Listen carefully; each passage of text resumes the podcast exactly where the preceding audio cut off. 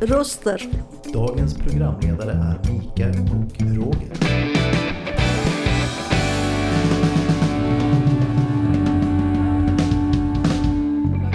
Dina röster i vardagen.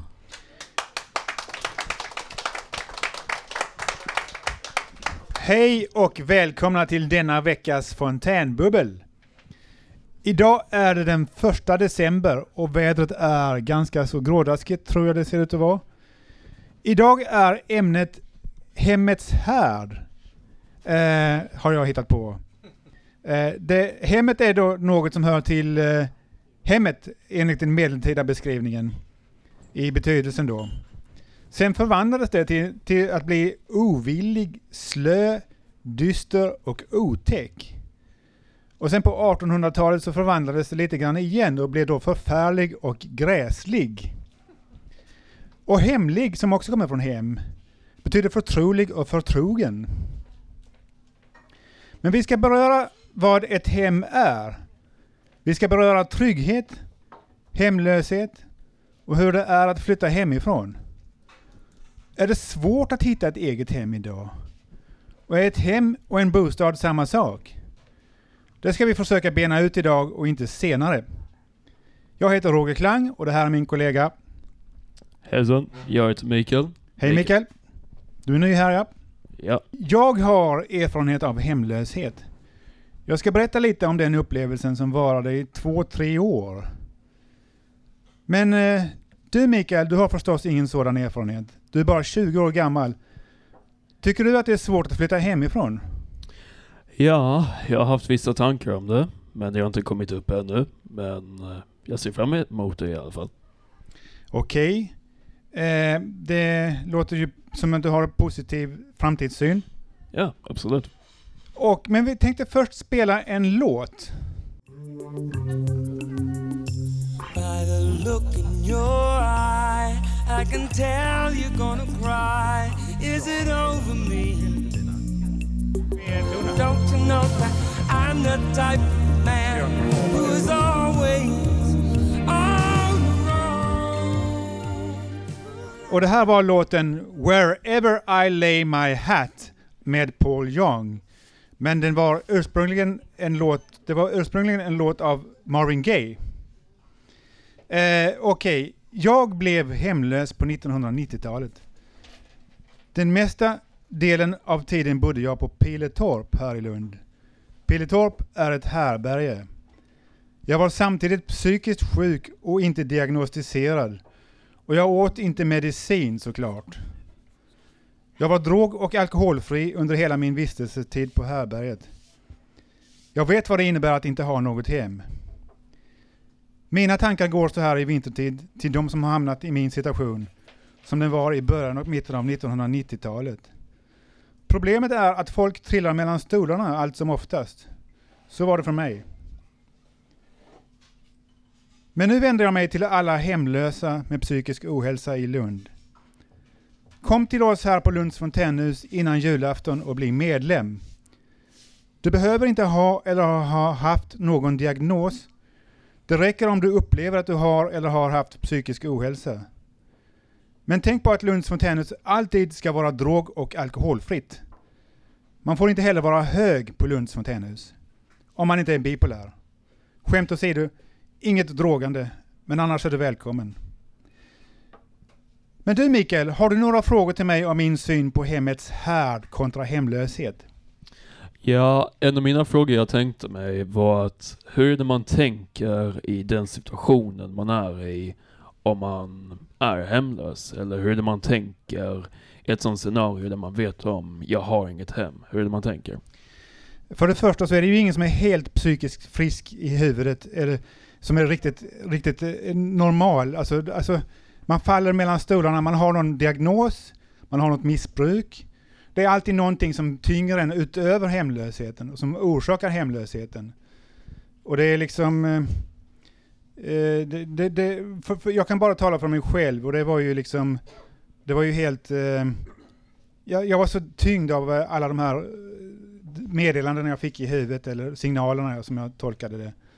Att jag, kan, kunde, jag kan inte, kunde inte riktigt koncentrera mig på någonting och det var väldigt splittrat och eh, hemskt alltså. För det var så värre på kvällen och på eftermiddagen än på morgonen och på natten då när jag sov. Då, var det, då kände man ju inte av det utan det, kom, det, det blev värre framåt dagen och sen så när man sov så blev det lite bättre på morgonen. Eh, Men det var ju inte bra nå, någonsin. Ja, det förstår jag. För att eh, det beror också på, det skiljer sig från person till person. Like, du hade ju, eh, Paranoid schizofreni. ja exakt. Och eh, vissa kanske har någon annan sjukdom eller någon annan diagnos. Så det beror på från person till person. Men eh, enligt dig, hur hade du kunnat beskriva vad som definierar trygghet för dig? Vad är ett bra hem för dig om man nu hade sagt det så?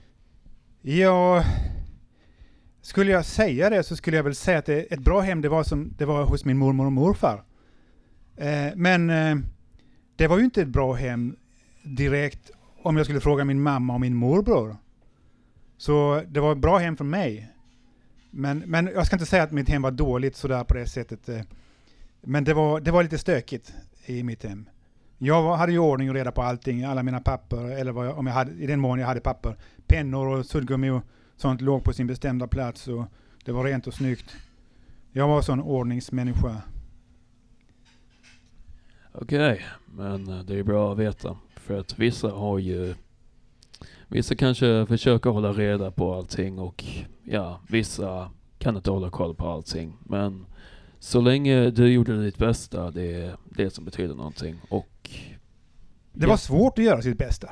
ja, det kan man förstå. Men känner du dig trygg på en bostadsmarknad av den typ som finns i Sverige, Mikael?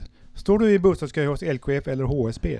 Ja, jag tror att jag står i bostadskö nu hos LKF. Eh, Mina föräldrar hjälpte ju mig med det för att sätta in mig i kön kanske fem år sedan. För att bli Ja. av med dig. Ja, ja det hade man inte velat. Förr eller senare så vill de väl bli av med dig. Det, det brukar ju vara så med föräldrar. Ja, det, Även om de tycker om en och vill ha hem en på julen och allting sånt, de kommer att besöka och så vill de ju gärna ha lite frihet och komma, få, få lite tid över till sig själva också efter en tid med uppfostrat barn och ungdomar och så. jag tror mig, jag hade också varit, eh, försökt att få av mig själv om jag hade varit förälder.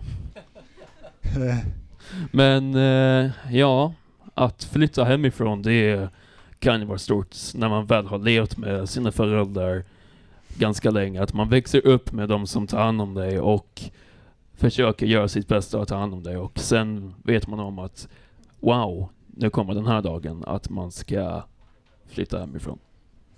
Ja, eh, men vi kanske skulle ta och spela en låt. Ja, det låter bra för mig.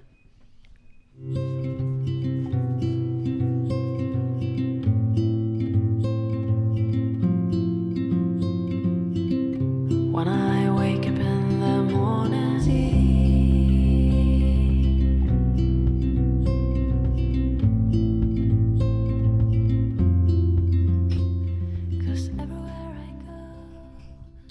Okej, det där var låten Jesus Walk With Me av Club 8. Okej, eh, det var ju en intressant låt ju. Eh, hur, är, du sa att du skulle flytta hemifrån så småningom. Hur, hur tänker du i de här banorna då? Ja, det, det är både tungt men också väldigt eh, dimmigt om man nu säger det så. Man vet ju inte vad framtiden håller. Så att nu när man ska försöka flytta hemifrån eh, ganska snart så tänker man bara på hur ska jag klara mig nu, hur ska det gå och ehm, hur jag ska dekorera. Like, det är så många frågor man får i huvudet man tänker på. Om man nu ska flytta hemifrån, var ska man bo, hur ska det se ut? Som du sa så hjälper dina föräldrar dig. Du står i bostadskö tack vare dem då. Oh ja. Så du, du behöver inte bry dig om den biten då menar du? Nej, inte jättemycket. De har hjälpt till med den biten och det är jag väldigt tacksam för. Så eh, det kommer att bli så att du flyttar hemifrån så småningom får du sköta dig själv då. Så kommer du hem med tvätten och så tar du tillbaka den och sen så lever du så. Ja, ungefär. Ungefär så. Hur påverkar den egna uppväxten förmågan att skapa ett eget hem, anser du? Det är en väldigt stor fråga för mig. Det beror på från person till person. Vissa växer upp kanske i dåliga förhållanden, eller dåliga och dåliga, men jobbiga förhållanden om jag ska vara lite mer rak på sak. Jag växte upp i ett ganska bra förhållande, en uh, väldigt trevlig familj ute på landet i Skivarp, ett underbart ställe. Jag tror också att uh, så som man växer upp när man är yngre, det påverkar ju en när man blir större. Like, det kanske, om man har växt upp i ett dåligt förhållande så kan man ha svårt att till exempel socialisera eller like, prata med andra människor. Och eh, jag ska inte säga att jag hade dåligt hemma, det hade jag inte. Jag var bara mest osäker på mig själv. Det är därför jag hade svårt att prata med andra människor, för att jag var bara mest osäker på mig själv. Och det är det som det kan påverka hur man växer upp i ett Det hem. låter som om det är, det är väldigt vanligt att eh, man är osäker på sig själv när man växer upp. Och, och du, eh, du hade ju idylliska förhållanden när du växte upp tydligen, verkar det som. Eh, ja, det kan man säga, men det kan alltid bli bättre eller sämre. Ja, man, man, man, man har alltid någon, någonting som man stör sig på, eller så här, kanske man kan säga. Så, är, så var det ju väl för mig också. Men vi tänkte eh, spela en låt. Ja då. Somliga går med trasiga skor av Det är Abraham Cornelis.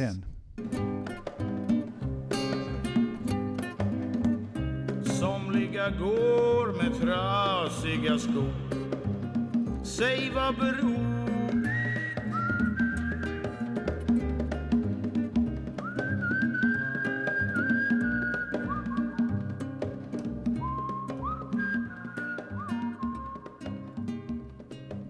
Ja, det här var alltså låten Somliga går med trasiga skor av Cornelius Vreeswijk. Och jag fick en uppläxning för att jag eh, korrigerade Mikael eh, och eh, det var ju fel av mig för att man kan lika gärna ava låten innan man spelar den. Fick Ja. jag reda på. Alltid förlåtet. Ja, tack så mycket. Okej, vi har en eh, gäst här. Vad heter du? Mattias, Hej Mattias, vad har du att säga idag? jag ska berätta om ett hem relaterat till en film som är väldigt bra. Ja, jag kör på. Into the Wild är en film från 2007 som Sean Penn regisserat. Baserad på en sann historia om den unge Christopher McCandless som är förtrollad av det vackra med naturen och reser ut i vildmarken för att finna frid och genuin lycka. Ett slags nytt hem i att lämna det trygga livet i staden bakom sig överge, överge sitt vanliga hem helt enkelt. Christopher blir en typ av luffare som beger sig ut i det amerikanska landskapet on the road. Allt för att söka lycka och ett nytt slags hem. Att lämna ett hem byggt på lögner bakom sig och materialism. Kristoffer vill vika undan för den nuvarande standarden av samhället och den moderna världen. Till slut hamnar ensam ute i vildmarken Alaska där han hittar en övergiven minibuss som blir ett nytt slags hem för honom. The Magic Bus. En slags vildmarkshjälte som vill undvika det traditionella framgångsreceptet av samhället och karriärjakten. Ett annorlunda hem helt enkelt, bortom materialismen. Chris gör den amerikanska vildmarken till sitt hem istället och finner tillflykt i detta. En nomadisk livsstil ute i naturen lockar honom. Hans stora odyssé. Filmen är som sagt baserad på en sann story där John Krakauer som skrev boken Into the Wild försöker förmedla att människor behöver utforska naturen för att upptäcka meningen med livet. Det är i och för sig ett enligt mig själv. Filmen regisserad av Sean Penn har för övrigt ett betyg till hela 8,1 på IMDB och har ett fantastiskt soundtrack av Eddie Vedder från Pearl Jam. Jag kan varmt rekommendera filmen. Den får en att tänka till om vad ett hem egentligen är. En annan film i samma genre är annars dokumentären Alone in the Wilderness som handlar om en man som bygger en stuga och lever i Alaska vildmarken. Dokumentären har hela 5,5 miljoner tittare på Youtube. Vad, vad är det egentligen som lockar att leva sån här livsstil? Konfrontationen med det vilda verkar fascinera vissa. Eller ett nytt slags hem, helt enkelt. Vad, det, det, här, det här är ju frivillig hemlöshet Ja, ja. som han har valt alltså. Vad är det som fascinerar med det? Alltså utforska det okända, alltså att hitta ett nytt slags... Brottas med björnar och... Exakt. Eller rida på Nej björnar. men alltså att... Society liksom. alltså Escape- läm, lämna lämnas, samhället. escape, escape society. lämna det bakom sig och bara ge sig ut i vildmarken och leva. Luffa runt. Ja. Men det är lite skillnad på att luffa runt och ge sig ut i vildmarken. För ska man ge sig ut i vildmarken så har man ju ingen att förlita sig på i något sam sammanhang. Man, kan ju, man måste skaffa sin mat helt och hållet själv. Man kan inte gå in och äta på ett härbärge eller så. Man får jaga, ut, jaga älg.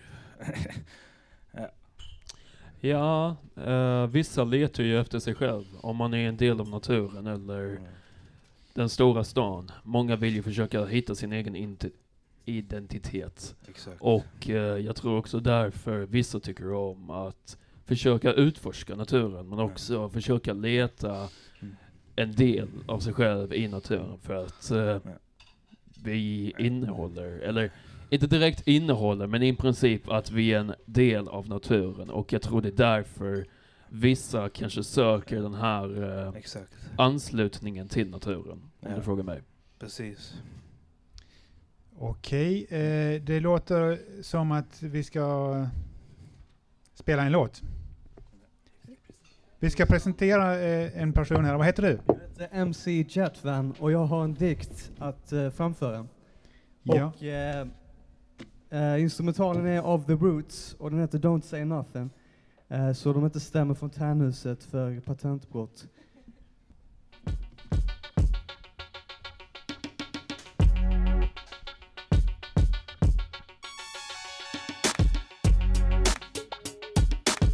Oavsett om vi blir gamla eller dör unga är livet en löprunda. Även Buddha sa att om man blir hundra är livet kort. Så vi springer mot döden. Vi var nakna tomhänta redan vid födseln. Men förvånas ändå när döden beslagtar allt. Saker förändras som höstlönens fall. 70 000 löpande gram av ambivalens. Som är tacksam trots en inre maktkamp. Ta vara på livets sanna välsignelser. Trots att jag hemsöks av gamla betingelser. Vårt egna glömda sinne är vår största fiende. Vår största befrielse. Vårt egna glömda sinne är vår största fängelse och största hjälte.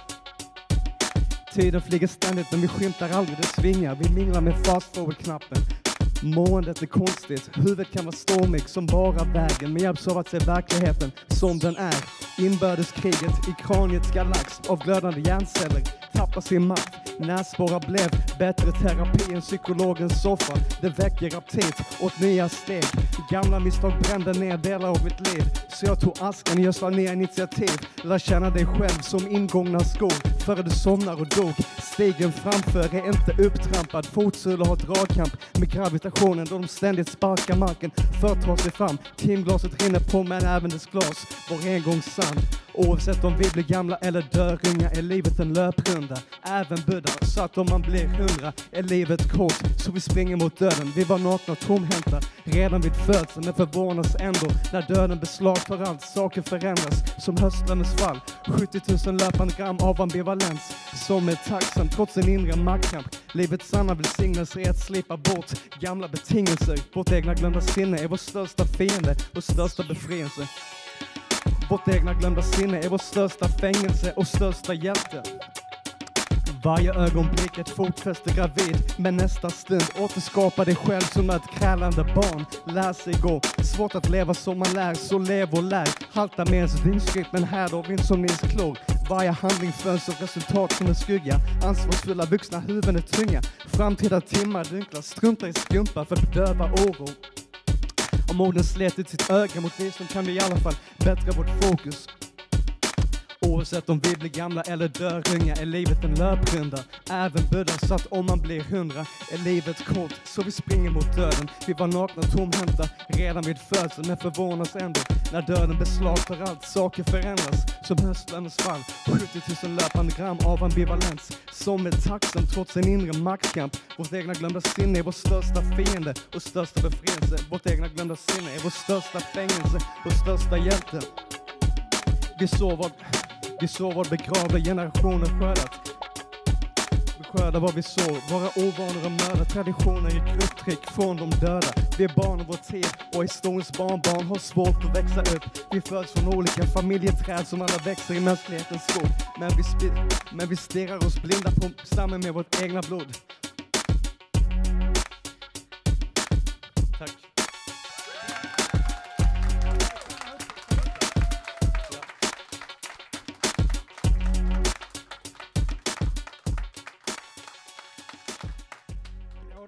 Ja, det här var alltså MC Jetvan. Och eh, jag förstår inte poesi och dikter och så. Vad exakt handlar den här låten om? Um, den handlar om, den är rätt så existentiell, den handlar om att ehm, försöka få en klarhet om vad som behöver prioriteras i livet. Um, så det är mycket, det är nog ganska många ämnen det går in på. Um, jag har inte döpt den för jag, var, jag, kunde, inte- jag kunde inte bestämma mig. Antingen var det två alternativ, antingen skulle den heta Livets löprunda, eller Vårt egna glömda sinne. Um, men eh, den sista titeln, jag tror att den summerar mycket och uh, det är mycket att oftast hakar vi upp på saker i vår omgivning, externa objekt, medan våra egna liksom, attityder och egna känslor, vi glömmer att de färgar hur vi ser saker och det är de man ofta måste eh, jobba med. Låter som en sann poet. Tack så mycket, MC Jetvan. Om jag själv får eh, reflektera med eh, MC Jetvans uh, poesi, eller rap, eller så som man kan kalla det. Rätt bra, om jag själv säger det så. Jag älskar själv poesi inom eh, den genren. Och det är också väldigt intressant om du frågar mig. För att, vad är det man borde prioritera i livet? Vi har ju olika frågor om det. Och enligt mig, det vad är det som ger meningen åt livet? Vad är det som definierar ett bra liv? Vad är det som definierar oss som människor? Vad vi väljer att göra? Kanske meningen med livet är att ge mening åt livet. Who knows? Jag är ingen, jag är ingen Aristoteles eller... Det verkar som om det är det ju. Ja, Vad är det- meningen med livet? Det ger en mening åt liv. Alltså det är, det är en rund ru- cirkelresonemang kan man säga. Ja, meningen med kanske. livet är vad man gör det till, kan man säga så? Exakt. Okej. Eh, vi tänkte faktiskt att vi skulle bjuda in publiken. Eh, kommer in här, som kommer upp här alldeles snart, om en halvtimme eller så. Väldigt snabb, halvtimme det gick. Ja. Hej, vad heter du? Jag heter Karl. Och eh, hur ser du på det här med eh, hem, hem, hemlöshet och, och, Hemlöshet och eh, hem. vad, hemmets här och vad, vad som är trygghet och så? Ja, eh, jo, nej, men jag har funderat lite kring det, men det är det här med... Eh, alltså man kan ha olika infallsvinklar kring hem, såklart. Det är ju ett väldigt be brett begrepp så här, som kan in- inbegripa allt möjligt. Men, men eh, man kan säga som så att om man tittar på, på djurriket, ska jag prata närmare micken, okej? Vika upp den ska jag göra. Oj, nu låter det bättre. Hej, nu hör jag mig själv också. Men eh, ja, nej, men om man ska kolla djurriket så har vi till exempel eh, det mest klassiska exemplet är med fölet som föds eh, med fyra ben och kan gå direkt efteråt mer eller mindre. Eh, jämfört med människan och det nyfödda barnet som, eh, som eller bebisen blir det, men som, eh, som, eh, som inte kan det utan är högst beroende av familjens närhet och hjälp och stöd. Och, så. Eh, och den lär sig allt eftersom. Eh, och det är också eh, exempel med fåglarna och fågelbo. Så att, att de gör fågelbon, och det är inprogrammerat, det är ett medfött beteende på något vis hos dem. Eh, men så säger man att, att, att fördelen för människan, att vi inte har så mycket inprogrammerade beteenden, är att vi, vi kan, vi får, dels får vi en egen stil, men dels, dels så anpassar vi oss också väldigt lätt efter nya miljöer som inte skulle ses som naturliga för människor naturligt sett annars egentligen. Va? Men, eh, så, men, så att i alla fall, men en grej då eh, med fågelboet är till exempel att vi har förmodligen, vi människor också, någon form av medfödd eh, intresse för att förse oss med tak över huvudet. Tak över huvudet är en ganska grundläggande eh, grej. Mänsklig egenskap. Mänskliga egenskaper, precis. Eh, och sen så kan man då eh, fundera kring det sett till samhället i stort, hur det varit nu det sista århundradet och två, år, två åren typ egentligen, eh, med, med, eh, med förändringar och så. Så att på, på, i USA till exempel, på, under den stora depressionen på 1930-talet, så inser ju staten, eller samhället i stort, att de, att de har ett problem. Eh, och vad de gör då är att de på något vis sätter igång ekonomin genom att eh, se till att löner är bra och det är en bra förmåner för, för medborgaren så att de kickar igång och börjar köpa grejer. På, alltså köpkraftig eh, med, medborgarroll på något vis. Eh, och sen så tydligen uppstår det problem på 60-talet. Så det är mycket revolter och sånt, eh, revolutioner och sånt på 60-talet, slutet av 60-talet i USA.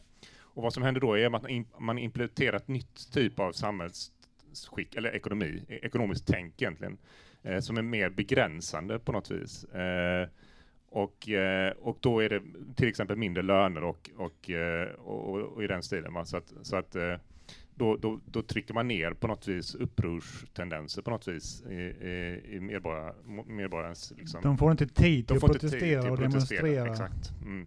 Och sen så får man problem med köpkraften, för man måste hela tiden ha en ekonomi där, som går runt, där folk köper prylar och sådana grejer. Och då ser man till att man har väldigt mycket en låneekonomi, att man kan låna mycket så i USA, medborgaren kan låna. Och det var det som ledde till krisen 2008 då, eh, i USA. Eh, och problemet då, vad som händer är att eh, världen är en global ekonomi på något vis. Så att Kina har ju mycket fungerat genom att de har sålt billiga varor till USA.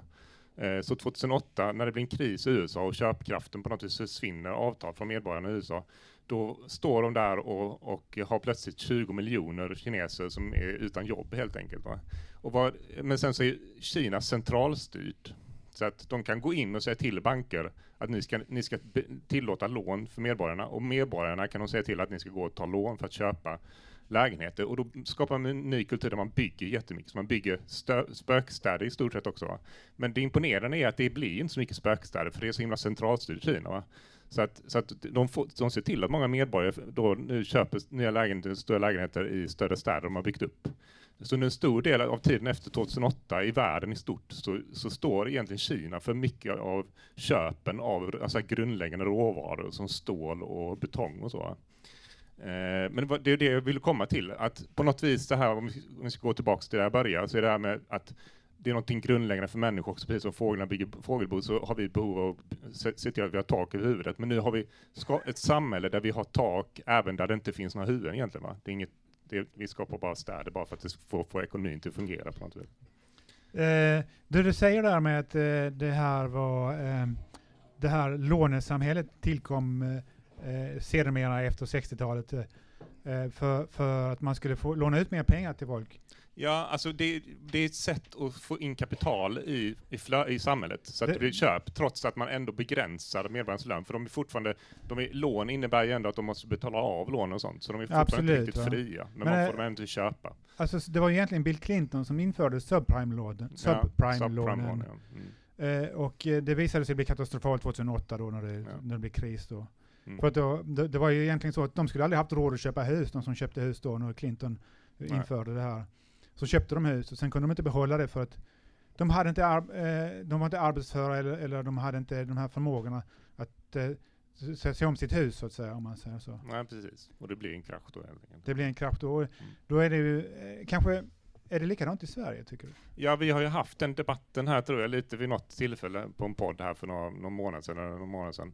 Eh, där det nämndes en, det är en svensk bok som skrivs av en journalist eh, nu i år tror jag det var, som också behandlar det här med eh, att, eh, att det är många, att man spekulerar väldigt mycket i fastigheter i Sverige och skapat en liksom, ny nivå av rika personer på grund av det också. Så hela det här, för det hör också ihop med när man bygger fastigheter, också mycket att rika spekulerar i Du menar den, den klassiska där med klyftorna ökar i samhället?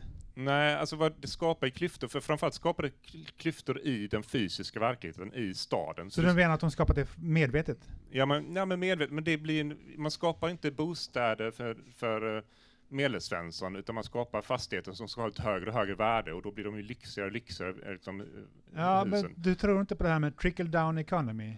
Eh, Jag tror In- inte på det själv, men... eh, Nej, inte direkt egentligen. Jag, jag tror det funkar väl kanske olika bra i olika delar av världen, men det, i slutändan tror jag inte det funkar så bra. Nej. eh, Jag tror inte vi ska ha det i Sverige så mycket, det, det har du nog rätt i. Mm. Om jag får välja, och jag är ändå, jag tycker inte att jag står till vänster, men jag tycker nog att det ska vara, inte vara så. Mm. Men du ska ha så mycket tack. Ja, okej. Om du inte har några frågor, här, Mikael? Eh, ja, inte direkt en fråga, men eh, mer av ett, ett, eh, ett kort statement, eller säger man statement? Man säger inte det. Men att, eh, du sa ju att eh, djur är ju ibland infödda med någon funktion att de behöver ju tänka på att bygga bon när de väl föds och sån där. Det är samma sak som bebisar, okej? De eh, lär sig att krypa innan de går. Det är därför de gör olika läten innan de hinner snacka, för att de vill ju försöka lära sig någonting, att kanske prata, att kanske gå, för att fortsätta utveckla sig. Det är så, you gotta learn before you can crawl, om man nu säger så. Men väldigt eh, intressanta perspektiv på eh, samhället, på olika boenden och eh, Man, kall, Vi- man kallar Ja. det hardwired och vad, vad är begreppet för människor att vi lär oss efter? Det är, är det software? eller något? Ja, det finns begrepp för det, men absolut. Det är Ja. kul att du kommenterar. Men eh, du får väl låta andra komma in också. Nej men alltså jag tänkte säga det att eh, eh, det är... Vi tar en låt. Ja. Vi vill i alla fall tacka så mycket för dig. Tack själv. Ha det bra. Trying to be funny and stuck in a room. There isn't much more to say of you found it.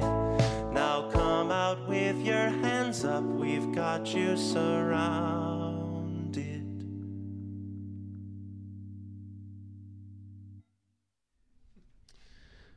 Okej, det där var Look Who's Inside Again av Bo Burnham. Tackar så mycket för det. Och det verkar som vi har en gäst här i studion. Vi välkomnar Rosmarie. Hejsan Rosmarie, välkommen. Hej, tack. Jag skulle vilja säga att jag är väldigt tacksam över att jag har en lägenhet och bo och, och liksom, det finns de som inte har lägenheter. Det var det jag ville säga. Så jag är väldigt tacksam. Tack så mycket, det var väldigt vackert sagt. Tack. Ja, hej. eh, Vi har en ny gäst här, så, och vad heter du? Jag ville bara ställa en fråga till dig Roger, för jag funderar över om det här med tak över huvudet och hem, om det nödvändigtvis är samma sak. Hur upplevde du det på härbärget? Kände du dig hemma där? Absolut inte. Kan du utveckla lite? Varför inte? Det säger egentligen sig själv för mig, men jag kan inte... Eh, jag vet inte riktigt vad jag ska säga. Eh, det, det är hela tiden man måste vara på sin vakt. Eh, eller man är alltid på sin vakt, för man är så, så eh, knasig, eh, paranoid. Jag var det alltså. Och jag var väl mer av ett eh, orosmoment på härbärget själv. Men eh, det var inte så att jag var... Ja, jag gjorde ju en sak som inte var så bra, men det har jag tagit upp i en annan podd, så det tar jag inte upp. Men jag var mer av ett orosmoment för de andra då. Men eh, ja, jag, jag vet inte vad jag ska säga, eh, faktiskt. Hon frågar här om jag kunde uppleva någon trygghet. Det kunde jag inte göra. Nej, för jag kan tänka mig att det är en viktig del av det här med hemkänsla, att man känner trygghet. Men hur Eh. kom du vidare? Hur, hur, vad kommer det sig att du lämnade boendet och hur gick det till? Jag gjorde en sak som inte var så bra var- och så kom polisen och tog mig. Okej, så det är så man ska göra, man vill ha någonstans att bo? Eller? Jag funderade redan innan dess, innan jag, innan jag hamnade på härbärget, att när jag var på, på gatan i princip, bodde i en håla i marken, så funderade jag på att stå och slänga in en gatsten genom rutan på en, på ett skyltfönster. För att jag skulle, polisen skulle komma och ta mig, så att den, så jag kunde hamna åtminstone någonstans under tak, eh, det vill säga fängelse. Ja. Jo, är man desperat så klart att då tänker man ju så. Det är sant. Ja. Tack ska du ha Roger. Okej. Hej. Ja, hej då, vad heter du? Jag heter Olof. Ehm, ja, eh, nej men jag tänkte bara med fortsätta där. eh, vi, vi kom in lite på, bo, eh, på bostadspolitik där när eh, han, eh, när Karl kom upp och pratade och gjorde en liten redogörelse eller vad man ska kalla det.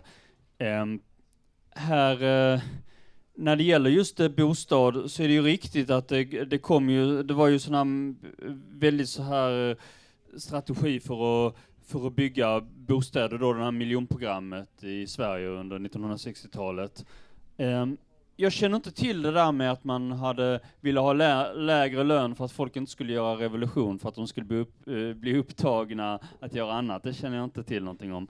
Eh, men jag tänkte, en, en sak som vi har när det gäller, eh, eh, eh när, när det gäller den svenska bostadspolitiken, den har ju haft vissa drag då att man har eh, man har bruksvärdeshyror, man har inga fria marknadshyror så att säga, och man har, eh, man har eh, sådana hyror som man görs upp. Först, först var det staten på något sätt så ofta som reglerade hyrorna, sen från, från 70-talet och framåt så var det mer, var det mer uppgörelser på hyresmarknaden.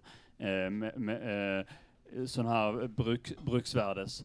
Eh, men grejen är att nu har vi fått ganska höga hyror i alla fall, nu på sistone, och det beror mycket på att, på att eh, då, det är ofta, då görs väldigt stora upp, upprustningar eh, av de fastighetsägarna rust, rustar upp så att de ökar väldigt mycket i värde och det är inte riktigt eh, och, och då blir det dyrt för, väldigt dyrt för vanliga människor att bo, att bo där. Jag vet ju inte hur mycket som är mycket som är folks förväntan också eftersom vi har mer och mer också byggt att vi, vi- förväntar oss mer på boendet när vi, när vi bygger att vi förväntar oss på något sätt högre och högre standard. Men nu har vi nått till en sån gräns på något sätt att många vill nog bara ha en vanlig enkel vanlig enkel bostad men alla de här ständiga renoveringarna och sånt. Men vad, vad tycker du då? Är det, är det bra att vi har en, en hyresreglerad marknad eller att vi har hyresrätter?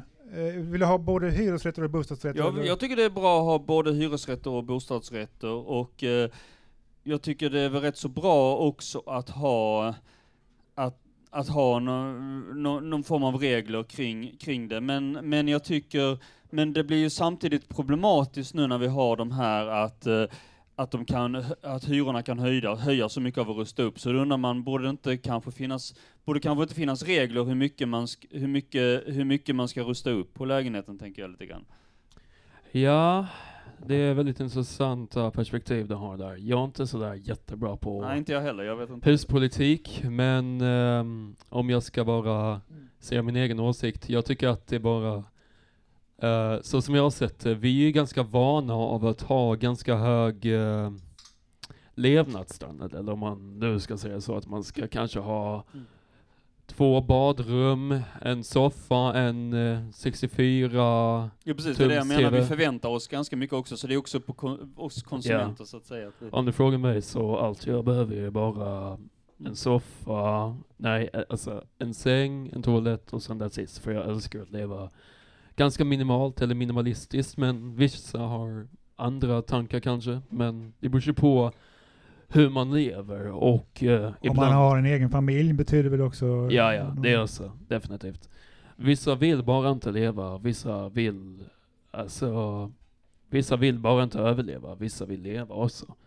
Och det är därför jag tycker att det är också väldigt viktigt att ha ett bra hem och bra uppväxt, om du frågar mig. Att man vet, eller hur man nu ska säga, att man växer upp med någonting som att man vet hur man ska känna sig. Eller att man kan vara sig själv utan att vara rädd över att ta kontakt med andra människor.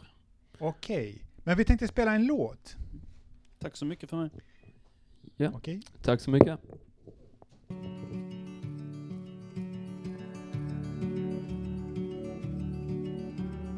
husband waits outside where the godchild soldiers Satanta stood dead. Our graceful turner of the Okej, det där var Swan Upon Alida av Hoiser. Hoiser? Hoi ja, Hoiser, whatever. Så, vi verkar ha en till gäst här i studion. Du heter? Martin. Tack så mycket Martin, Ja. välkommen. Ja.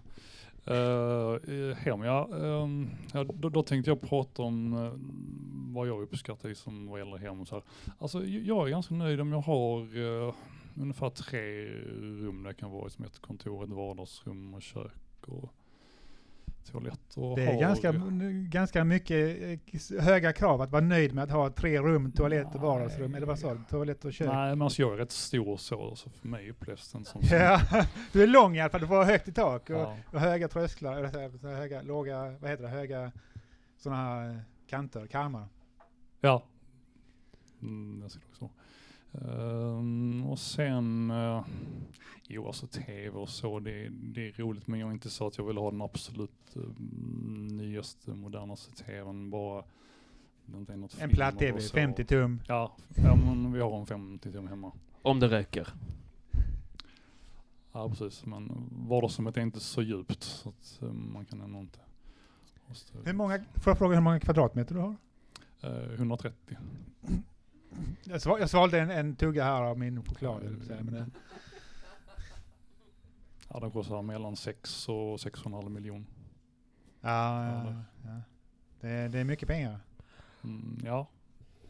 Ja. Men eh, är det något mer du ville säga om eh, det här? eh? ämnet hem, hem, hem kontra hemlöshet, trygghet. Jo, men det är mycket där liksom att just hemmet och hur man har hemma, att det, det, skapar liksom en, eh, en arbetsro så att man kan liksom, uh, skaffa sig vänner på andra ställen och uh, fundera ut liksom hur man ska köra runt och så. Så det räcker inte bara med datorer och hem och sådana saker. Jag känner inte det i alla fall. Behöver en bil också. Ja, precis. Ja, då, då har man ganska höga standardkrav, tycker jag, om man har, vill ha både en bil och 130 kvadratmeters lägenhet. Det är väl ändå inte så enkelt som... Ganska trivialt eh, i den här tiden. Ja, jag undrar det. Det har varit rätt så stabilt ett tag. Vi har alla våra olika syn på saken. Men du ska ha så mycket tack för att eh, du delade med dig av de här enkla förhållanden du lever i. Ja. Tack så mycket. Ja. Hallå, välkommen till studion. Vad heter du? Jag heter Jan. Hej. Hej. Eh, hem ja. Ja. Jag ska försöka dra det här snabbt då. Jag kommer ursprungligen från Heby, det är där jag växte upp. Jag har bott i Falun, jag har bott i Karlstad, jag har bott i Stockholm, jag har bott i Glimåker, jag har bott i Helsingborg, jag har bott i eh, Lund, Eh, flyttade till Borås, eh, flyttade därifrån till Göteborg, sen till Nol, sen till Malta, eh, sen tillbaka till Malmö, sen till Oslo, bodde där åtta år. Sen har jag bott i Bulgarien, i Sofia, flyttade därifrån till Belfast och sen hamnade jag här i Lund. Att bryta upp är också en sak, liksom när man ska lämna sitt hem. Två resväskor och en ryggsäck. Jag ser om allting och så flyttar. Jag har gjort det många gånger. Eh, nu känns det som att jag, efter att ha bott här i Lund i tre år, som att jag kommit hem. Ja, det, håller vi, det, tackar vi för, vi Lundabor. Du är väl också Lundabo nu då? Ja, nu känner jag mig som Lundabo, men just det här home is where the heart is. Och sen är det någonstans det här med att eh, man, jag tänker mycket det här med att man tänker hitta sin kulturella hemvist, att hitta sin... För att, jag, jag har haft en idé. Om jag flyttar till ett nytt ställe, då försvinner mina problem. jag vet inte om någon, någon annan tänker så, men... Min bror. Din bror tänker så.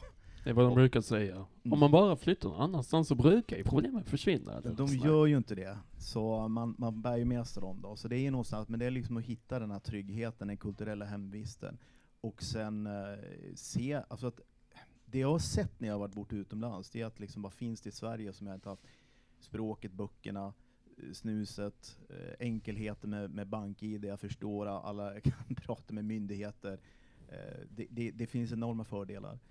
Eh, jag har inte varit hemlös som du beskriver eller andra, men, men på visst, ja, någon slags mellantillstånd där. Frivillig hemlöshet. Ja, jag har ju själv sökt upp den och inte haft alla gånger någonstans att bo, så jag har fått bo på någon soffa, eller jag har bott till och med i en, i en eh, lokal i, i Göteborg, där jag var tvungen att skjuta soffan när vakterna kom på på natten, så de inte kunde lysa på mig. Sen på morgonen fick jag tvätta mig i handfatet på eh, kundtoaletten. Finns Så- det många hål i soffan kvar fortfarande?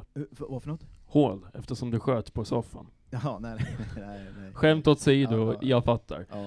Kort sagt, eh, jag undrar, hur är det ens att bara flytta runt, like, allt från Stockholm, Göteborg till Malta? Alltså hur var det ens att bara åka från plats till plats? Blir inte man väldigt, like, Man trött blir på trött, det? man blir trött ja, så man orkar inte. Jag är 52 år nu och jag, jag, liksom, jag, jag kan inte göra det en gång till, även om jag längtar tillbaka till Oslo ibland, men, men nej.